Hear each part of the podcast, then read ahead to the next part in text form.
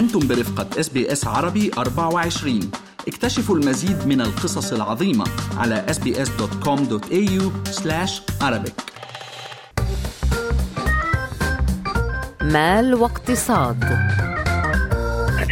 أهلا بكم في فقرة مال واقتصاد من SBS عربي 24 أنا فترة توق الهندي. وأنا فارس حسن ويسعدنا أن تنضم إلينا الصحفية المتخصصة بالشؤون الاقتصادية كوثر الحنبوري. أهلا وسهلا فيك كوثر صباح الخير. صباح الخير فارس صباح الخير بترا صباح الخير لكل مستمعي SBS عربي. صباح النور كوثر. أهلا وسهلا فيك. يعني عم نشوف ارتفاعات متتالية بأسعار الفائدة. الهدف من هذه الإجراءات كان لجم التضخم في البلاد اللي هو للأسف إلى ارتفاع.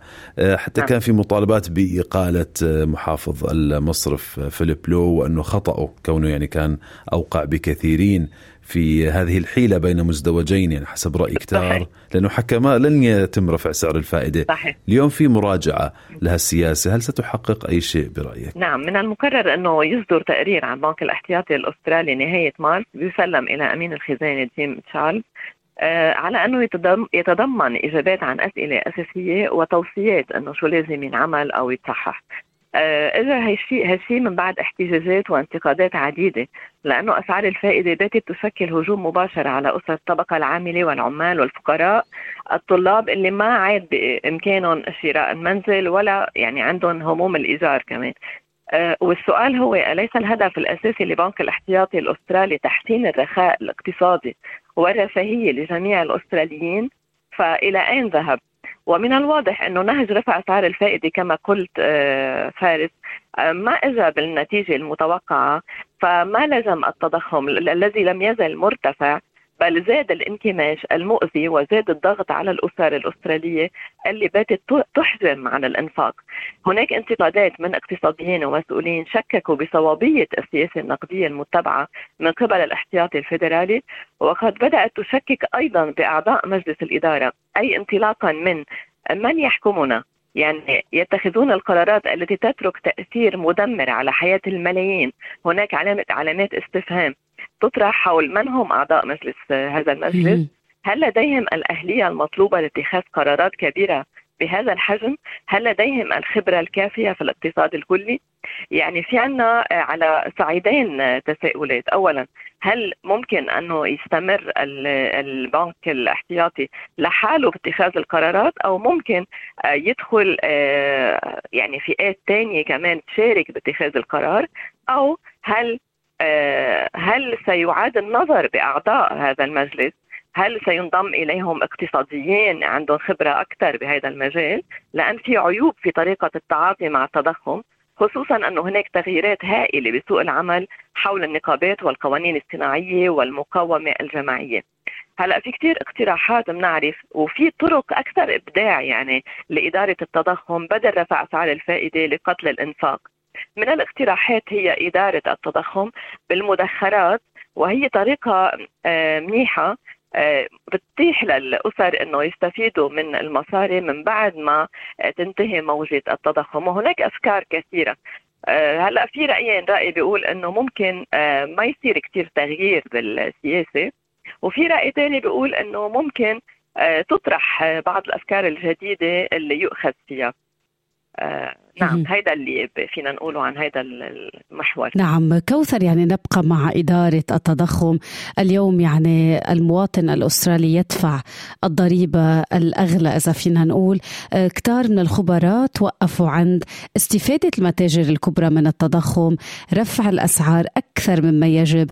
سيما رح نحكي عن Coles و Woolworths ما مدى صحة ذلك؟ ويعني ما هو سقف رفع الأسعار كوثر؟ نعم هناك كثير تساؤلات في تشكيك الحقيقة حول التربح من التضخم حيث ارتفعت الأسعار 17.1 بالنسبة ل Coles وزادت بالنسبة ل Woolworths 14% فما فينا نجزم إنه هيدي يعني ما في عنا أدلة كافية بتقول إنه في شيء مبالغ فيه بس أكيد زادت أرباحهم للمتجرين يلي هن كثير مهم يعني أكثر الاستهلاك عم يكون منهم بأستراليا.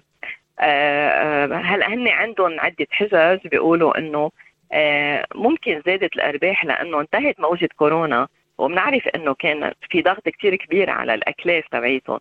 آه، يعني عندهم عدة تفسيرات في المسؤولين عن هالمتاجر عم بيدافعوا. آه، بتقول إنه تحسنت الأرباح ربما بسبب إغلاق الساحل الشرقي والانخفاض في التكاليف اللي رافقت آه، يعني فترة كورونا. ومن بعد ما خلصت ممكن يكون هالشيء يعني ضاف على الأرباح.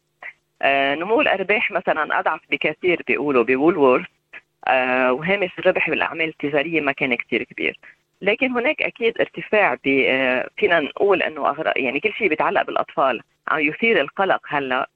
آه وفي عنا البقال كثير بلغ ذروته يعني مثل ما قلنا عن المواد الغذائية كلها آه كمان البقالة بلغت الذروة بالنسبة لارتفاع الأسعار. وفينا نقول إنه كل شيء محطوط على الرف يعني كل شيء عندنا طازج مثل الحليب واللبن والمنتجات الألبان كله هيدا زاد أسعاره وهيدا عن جد بده آه، مراجعة. لنشوف إذا بالفعل آه، يعني آه، محقة هيدي الزيادات ولا إنه عم يعملوا أرباح ما لازم يحطوها هالقد. صار الفتوش والتبولة luxury للاسف للأسف بالفعل fresh produce ارتفعت أسعاره بشكل كبير. كوثر في كمان موضوع كتير مهم اقتصاديا وسبرانيا حتى. بنعرف قد إيه الأمن السبراني مهم للشركات وبالتالي مهم للاقتصاد. ويبدو أنه في جهود اليوم لسد هاي الثغرات في الأمن السبراني بعد طبعا الهجوم السبراني على Optus وأيضا على Medibank. أه، بداية حابين نفهم منك يعني علاقة الأمن السبراني بالاقتصاد تحديدا.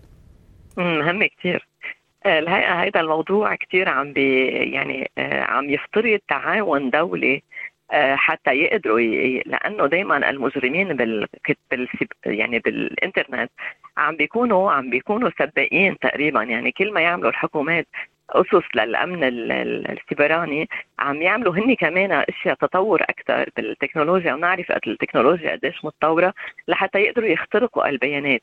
وبنعرف نحن الشركات قد إيه بهمها يكون في نوع من أمن لحتى تقدر تعمل استثمارات بالبلد.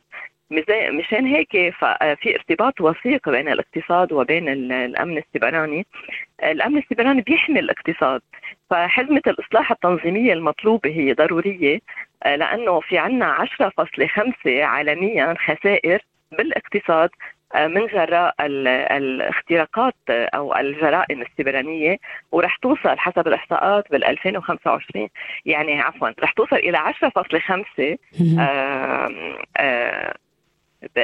بحلول 2025 مشان هيك إنه في مطالبات لتعزيز الاستثمار بالأمن السبراني ولاجراء تعاون دولي لوضع أنظمة حماية للتصدي للهجمات الإلكترونية خصوصا مع تطور التعلم الآلي والذكاء الاصطناعي اللي أحدث ثورة بكل أدوات الاقتصاد والمخاطر مرتفعة بعالم الالكترونيات مما يتطلب تعاون دولي كما قلت. الكاتبة والصحفية المتخصصة بالشؤون الاقتصادية كوثر الحنبوري كل الشكر والامتنان لك على هذه الوقفة الأسبوعية يلي كأنه منقرة فيها شكرا كوثر.